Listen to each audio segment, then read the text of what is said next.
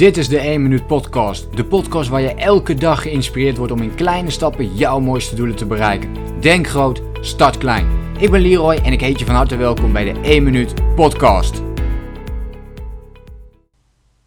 Gisteren werd ik geïnterviewd door het AD en ja, er is iets geks aan het gebeuren. Uh, of eigenlijk, ik, ik vind het niet gek, maar ik had het al wat eerder verwacht dat dit zou uh, gebeuren. Uh, want ik denk dat als jij iets te vertellen hebt, dan, dan, komen mensen uiteindelijk naar jou of ze vragen in ieder geval of je uh, geïnterviewd wilt worden um, enzovoort. En ik had dit proces al iets eerder verwacht in mijn stadium waarin ik zit, omdat ik heel veel content waarde geef. Um, en nu is het dan toch zover. En wat ik vooral heel gek vind aan deze maand in het algemeen, is dat ik gewoon echt veel ben uitgenodigd voor um, interviews. Best wel bizar. ik, ik, werd laatst al geïnterviewd door uh, RTV uh, Drenthe. Um, over mijn ochtendritueel ging dat heel erg. Daarna werd ik ook geïnterviewd door de ABN AMRO. Of, uh, en zij vroegen mij, uh, ze nodigden mij ook uit. En dat vind ik er mooi eraan. Ik, ik doe zelf eigenlijk, ik vraag nooit aan mensen van, joh, wil je mij interviewen? Eigenlijk is het altijd net andersom. Uh, dus zij weten mij te vinden. En dat vind ik wel een mooi principe. Ehm, bij de ABN AMRO was dat dus net zo. Ik werd um, laatst ook geïnterviewd door Patrick Kikken. Heel interessant.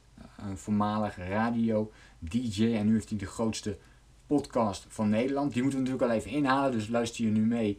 Um, verspreid dan uh, verspreid je woorden. En dan kunnen we misschien Patrick kicken van zijn podcast uh, uh, Leven zonder stress is dat. Leven zonder stress. Ook een interessante podcast, dus bekijk die ook gerust. Ehm, wil je echter dat mijn podcast bovenaan komt, dan moet je dat zeker niet doen. maar dat is zo'n grapje.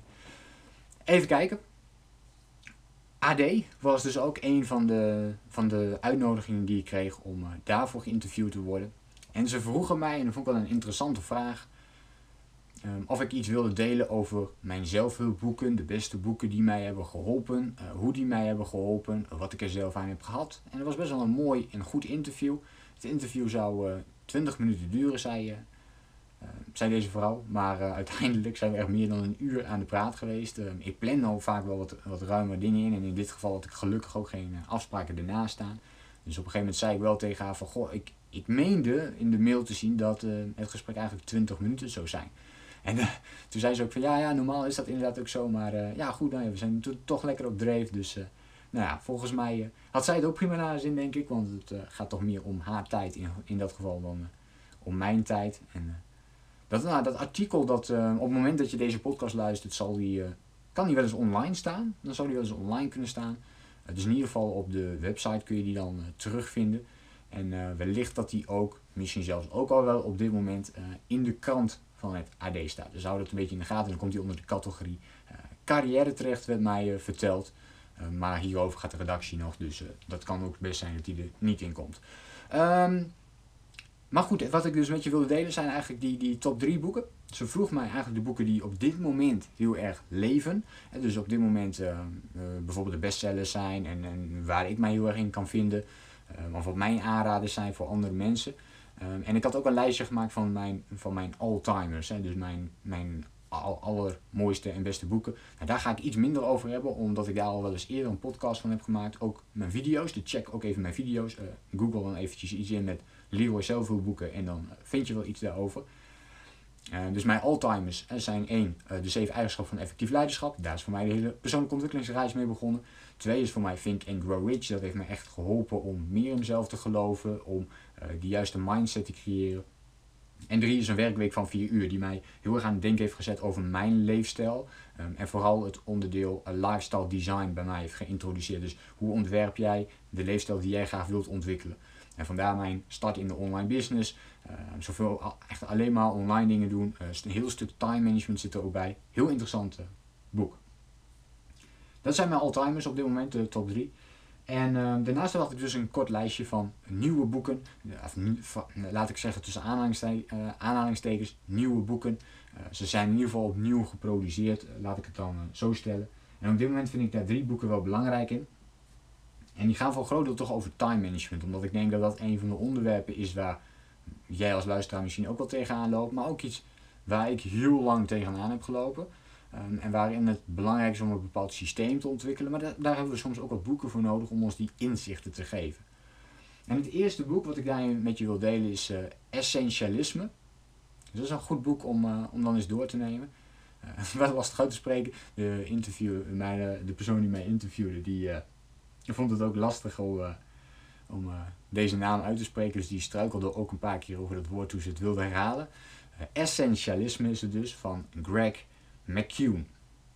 En dit boek gaat heel erg over hoe je minder kunt doen en toch meer kunt doen. En dat klinkt een beetje filosofisch. Ik zou zeggen, google eventjes op het boek en zoek uh, eventjes uit of het iets voor jou is, ja of nee. Echt een tip voor dit moment. Hij ligt ook op dit moment nog in de, in de boekenwinkels.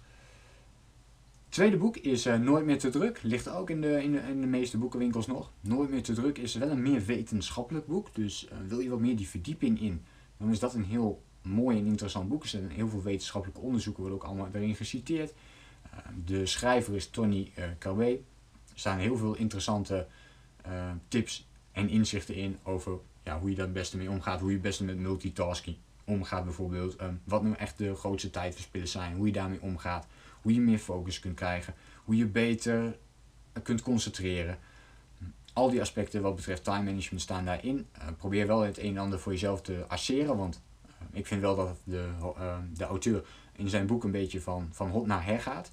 En dus probeer heel, er zitten heel veel tips in, maar probeer die voor jezelf er wel uit te halen. Dus um, hoofd- en bijzaken heel goed te onderscheiden, anders heb je wel een klein probleempje en probeer je alles tegelijk te gaan aanpakken. En dat is juist precies wat hij ook in zijn boek benoemt, dat moet je dus juist niet doen. En het derde boek is The Miracle Morning. Nou, dit boek is al, al ietsjes ouder.